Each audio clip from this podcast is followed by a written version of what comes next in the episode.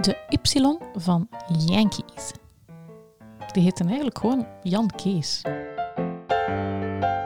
In het Engels heb je vier keer zoveel woorden als in het Nederlands. Het is dus logisch dat je soms meer nuance hebt in het Engels dan in het Nederlands. Maar dat wil nog niet zeggen dat je Nederlandstalige tekst moet krioelen van het noordeloos Engels. Hè.